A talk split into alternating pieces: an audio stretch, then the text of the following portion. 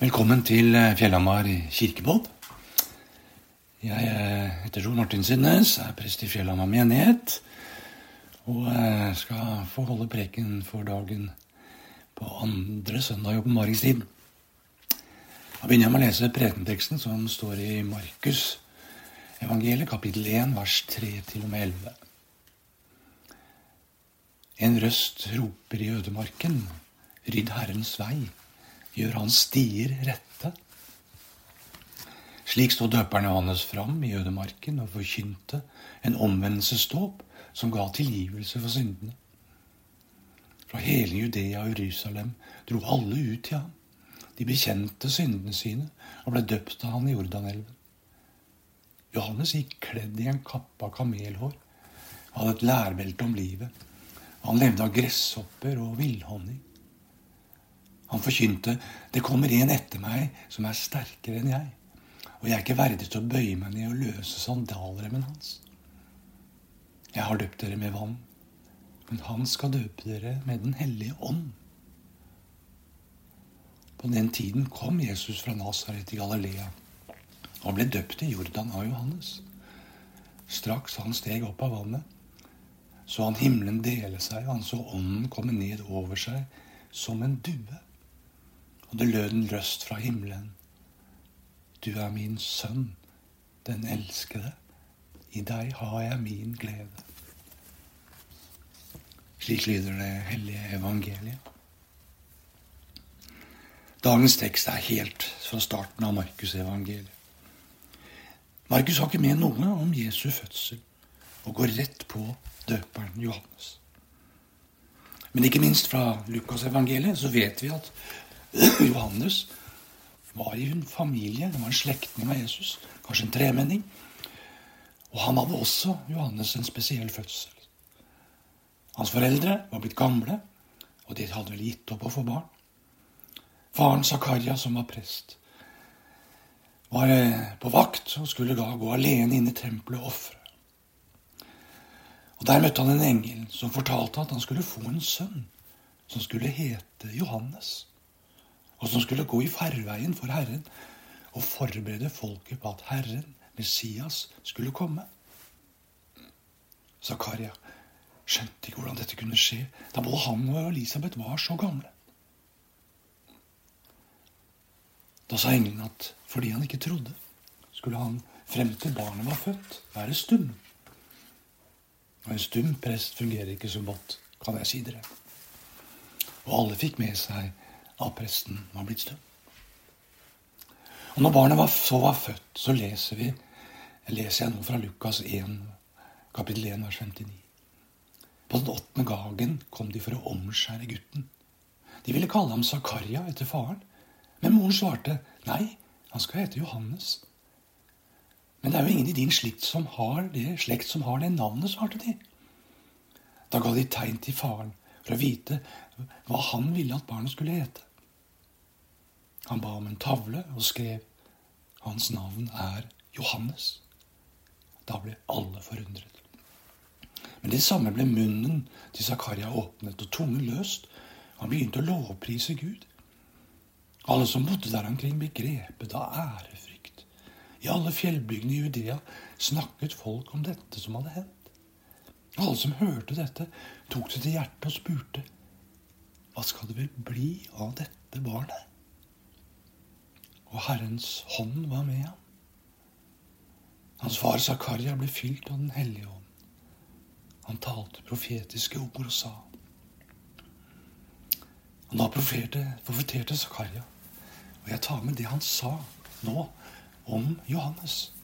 Han sa, og du barn skal kalles profet for den høyeste.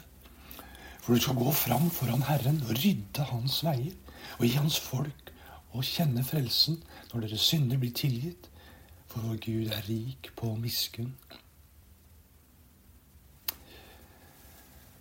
En ting var jo at Johannes selv ble kjent med hva engelen hadde sagt til far Zakaria. Det fortalte faren og moren han om. Om faren som ble stum, og som så også profeterte over hans liv. Men hele slekta hans visste også dette. Ja, ikke bare det. Nabolaget og bygda han bodde i, ja, alle bygdene i et stort område, hadde fått med seg det som skjedde rundt hans fødsel. Og alle spurte seg fra han ble født, hva skal det vel bli av dette barnet? Det må ha vært en spesiell barndom og oppvekst.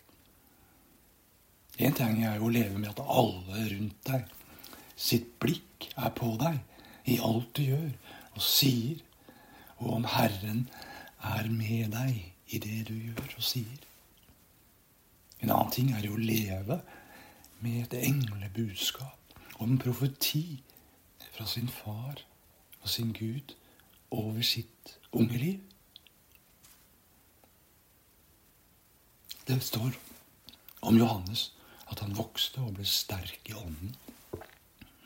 Og at han holdt til i ødemarken.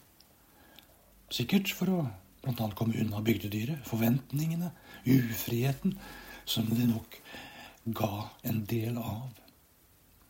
Men ikke minst for å søke Gud. For ødemarken er jo det kanskje viktigste stedet for Gud, og hvor Gud og mennesker kan møte Gud. Vekk fra folk. Vekk fra styr og mas. Ut til ro, enkelhet, fred. Bli stille. Og åpne seg for Gud. Jesus dro stadig til øde steder for å be, kan vi lese. Men døperen Johannes dro nok også fordi han kjente godt til profetien om veirydderen som står i Jesaja.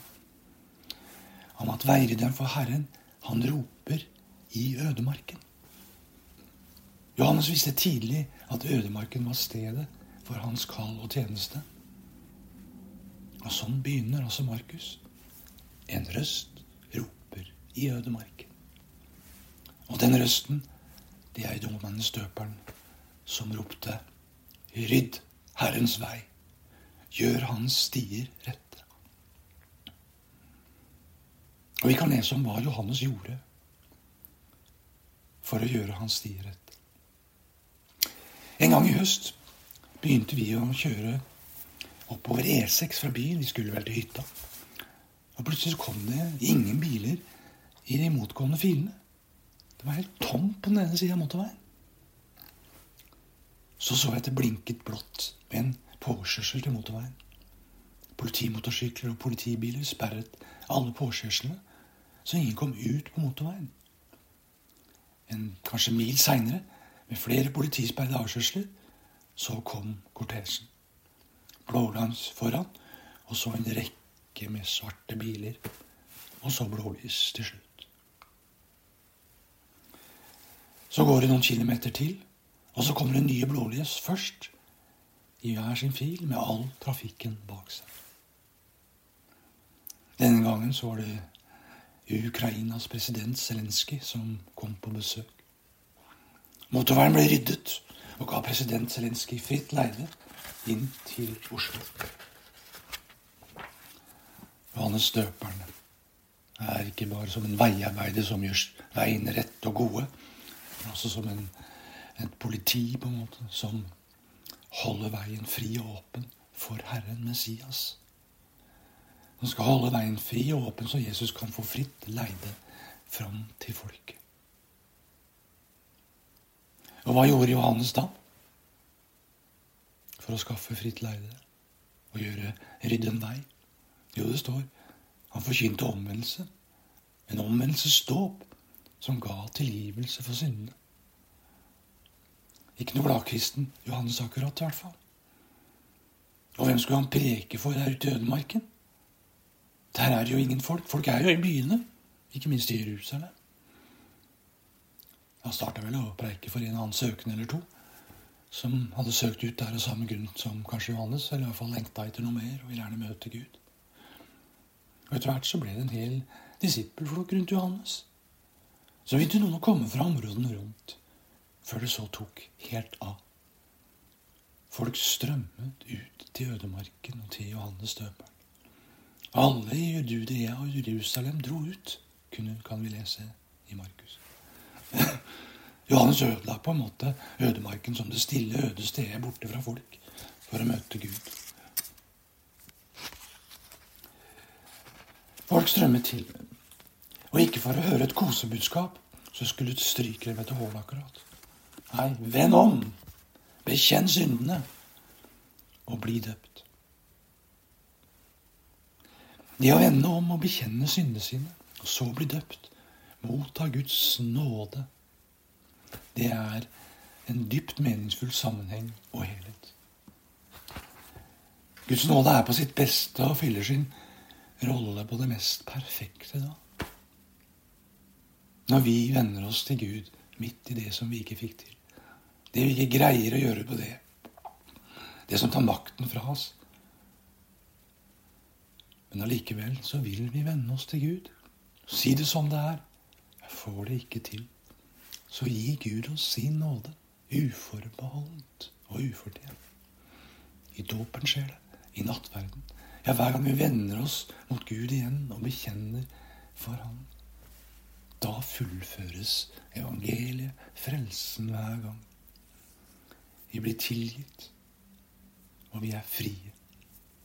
I Feseren så leste vi akkurat de ordene.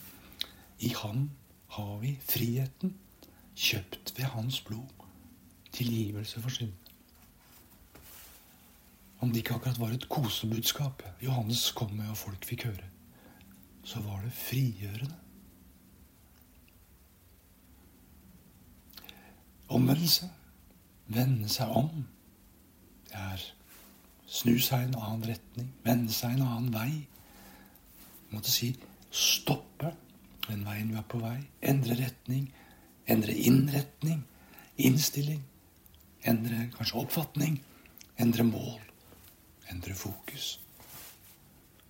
Å bli døpt og legge sitt liv i Guds hender, det er en engangshendelse i kirka vår. Det holder. En gang skal vi døpes. Det. Der vender vi oss til Gud med livet vårt. Legger det i hans hender. Ber om hans nåde, kjærlighet og ånd, og at det skal følge oss gjennom livet. Luther snakket om den daglige omvendelsen. Dåpen igjen, den holder hele livet. Nåden holder hele livet. Guds ånd holder hele livet. Alt Gud gir oss i dåpen, det holder og står fast dag etter dag hele livet. Men jeg står ikke fast dag etter dag hele livet. Jeg kan lett vingle. Jeg kan lett miste fotfestet og ikke se klart. Jeg trenger å vende meg mot Gud om igjen og om igjen. Og jeg kan ikke hvile på gårsdagens omvendelse og ture i vei med det som faller meg inn, og det som måtte skje og ta tak i meg i dag.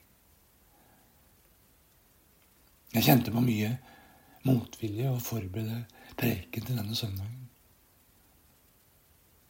Jeg utsatte det, vegret meg. La meg slippe. La menigheten slippe. Og kanskje skulle jeg gjort det en gang. Ikke hatt preken. Men nå er dette mer delt som et eksempel fra mitt liv som prest. Hvor det jeg mener meg til Gud er noe jeg må, må velge å gå inn i om igjen og om igjen. Og orke å åpne meg og gå inn i Guds ord den nye søndag for å la det treffe meg, berøre meg, og om mulig tale til meg, så jeg kan bli brukt. Jeg må ville det om igjen og om igjen, ja, daglig, egentlig, og vende meg mot Jesus. Her kan fellesskap i kirka være godt å ha. Med gudstjenesten eller bibelgruppa, andre fellesskap rundt troa i kirka er en god hjelp. I gudstjenesten skjer det i hvert fall ukentlig at vi sammen venner oss til Gud, bekjenner synder. Vi tar imot nåde, blir satt fri, lytter til Hans ord, lovsynger Han, ber og klager til vår Far, og så blir vi velsignet. Fellesskapet kan hjelpe hverandre. Vi kan hjelpe hverandre med å vende oss til Gud om igjen og om igjen. Det hadde ikke vært store problemer med overforbruk, sult og klima hvis vi levde som Johannes. altså.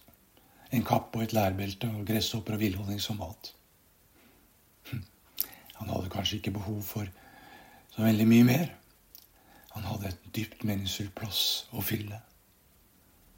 I omvendelsesdåpen så var det ett mål og ett fokus for Johannes i alt han gjorde.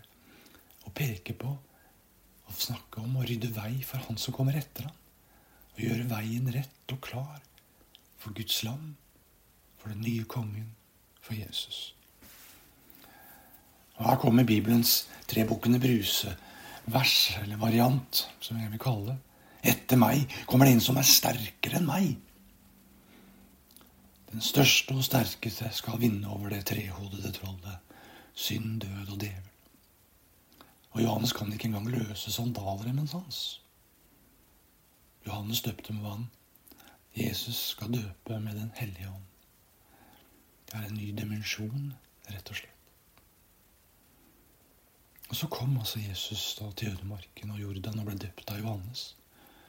Og tidenes dåpstale Talet ble holdt av en stolt og rørt far. Vi kan lese at himmelen delte seg, og ånden kom ned som en due. Og Guds dåpstale var kan vi jo si, forbilledlig. Kort og sterk og varm. Du er min sønn, den elskede. I deg har jeg min glede. Punktum. Sist søndag så talte pastor Frank Ersvik fra Lørenskog frikirke på den felleskirkelige gudstjenesten om å ha sin identitet som den elskede. Og hvor grunnleggende det er for vår selvforståelse og selvbilde som ikke minst Guds barn. Det kan ta lang tid ikke bare å åpne seg og ta inn at man er elsket, men å bli værende i det, og bli i det, forme seg av det, og bo i det, som han sa. Og det er ikke så mye som skal til alltid før vi dras vekk fra det. Om å finne veien tilbake igjen til at vi er den elskede. Om vi har vår trygghet helt innerst inne som elsket av Gud, så gjør det noe med livet vårt. Frank sa også når vi mennesker har så lyst til å lykkes, så lyst til suksess, så lyst til at andre skal se opp til oss som rike, kloke, dyktige, de som har innflytelse, de som har de rette vennene, de som er populære, så begynner det veldig ofte i et selvbilde som ikke har tatt imot sannheten om at vi er den elskede selv uten å ha prestert noe som helst. Jeg vil legge til når jeg fristes til å gå til motangrep, når jeg bevisst eller ubevisst leter etter feil hos andre, når sammenligning forbannelse, som jo har all time high med sosiale medier, får meg til å misunne andre deres gleder, og selv fanges av følelsen av å være mislykket nå begynner det veldig ofte i et selvbilde som ikke har tatt imot sannheten om at vi er den elskede, selv uten å ha prestert noe. Jeg har også spurt meg kan dette bli veldig selvsentrert, denne kjærligheten. Elsk deg selv og ha det bra med deg sjøl, og alt er bra. Ja, det er jo selvsagt også en fare for det. Men er det Guds kjærlighet, Jesus kjærlighet, vi har fått ta til oss, så skal det ikke være mulig. Kjærligheten er jo drivkraften i hele evangeliet, i hele Bibelen, i hele Guds handling i verden. For så høyt har Gud elsket verden, deg og meg, og alle sine barn, at han ga sin sønn den eneste. Jesus kom hit et rent drevet av kjærlighet fra sin far. Og Jesus var bærer av denne kjærligheten, som Gud, hans far, tilsa ham fra himmelen i dåpen. Hva gjorde Jesus etter dåpen? Dro han for seg selv for å kose seg med denne kjærligheten? Ja, det første han gjorde, var å dra for seg selv ut i ødemarken. Men ikke for å kose seg med den. Men han fastet i 40 dager og netter og der ble han fristet og prøvet av djevelen. Styrket og fylt av kjærligheten fra dåpen, stod han rett fra dåpen og ut i løvens hule og sto fast og sterk igjennom alt sammen. Og englene kom og tjente ham, står det. Deretter gikk han ut til folket og delte Guds kjærlighet med dem. Om at de er den elskede. I ord og gjerning delte han denne kjærligheten. Ikke minst med de som slet og falt utenfor. Og han åpenbarte hvem Gud er for oss. Åpenbarte for oss, viste oss Guds kjærlighet. Og finalen den sto i Jerusalem påsken tre år seinere. Midt i dødsangsten i Getsemane, hvor han svettet blod av frykt, ble han båret av kjærligheten som den elskede. Når alle vennene sviktet, flyktet og bannet på at de ikke kjente ham, så holdt han fast i at han var den elskede. Når falske anklager fra det høyeste råd haglet, når de spyttet og slo ham i ansiktet, når smerten fra piskeslag og spikrene raste gjennom kroppen hans, så var han den elskede. Ja, når han følte Gud hadde forlatt ham, helt der på korset så var hans identitet den elskede. De synger i en sang. Det var ikke spikrene som naglet Jesus til korset, men kjærligheten, hans kjærlighet til deg og meg. Så han ved sitt blod og sin død, også oppstandelse, kunne ta straffen, sette oss fri, sine elskede søstre og brødre. Å klare å ta til seg at vi er så høyt elsket, at Jesus led og døde for oss, deg og meg, i kjærlighet, er ikke lett å ta inn. Å få en selvforståelse, selvbilde, som den elskede, det tar tid, og vi må hjelpe hverandre.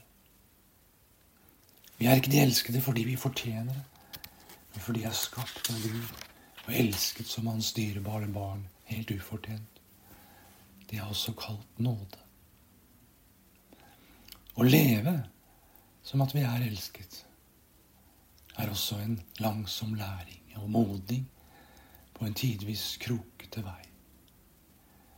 Med Jesus som kjærligheten og vår lederstjerne, så kan kjærligheten aldri gjøre oss selvopptatte. Det er umulig. Det vet vi jo egentlig veldig godt fra livet, de fleste av oss. Når vi elsker noen, så kan vi jo aldri glemme den andre, den vi elsker. Og kjærligheten er jo det som kan gjøre mest vondt av alt. Når en av våre kjære dør. Når en av våre kjære, kanskje et barn, lider, har det vondt og gjør dårlige og ødeleggende valg for resten av livet og vi ikke kan gjøre noe. Da gjør kjærligheten vondt.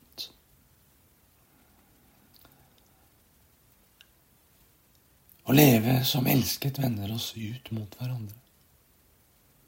Som alltid er Jesus vårt beste folk, for forbilde.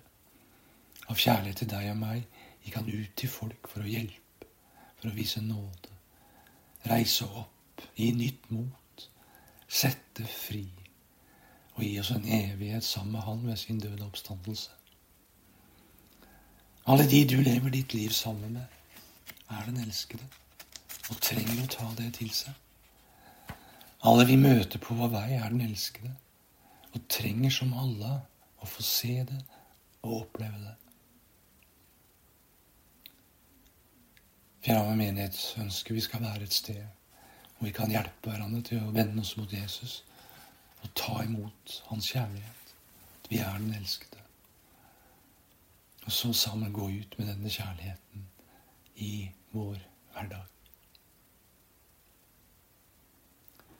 Ta imot velsignelsen. Herren velsigne deg og bevare deg. Herren la sitt ansikt lyse over deg og være deg nådig. Herren løfte sitt åsyn på deg og gi deg fred. Amen.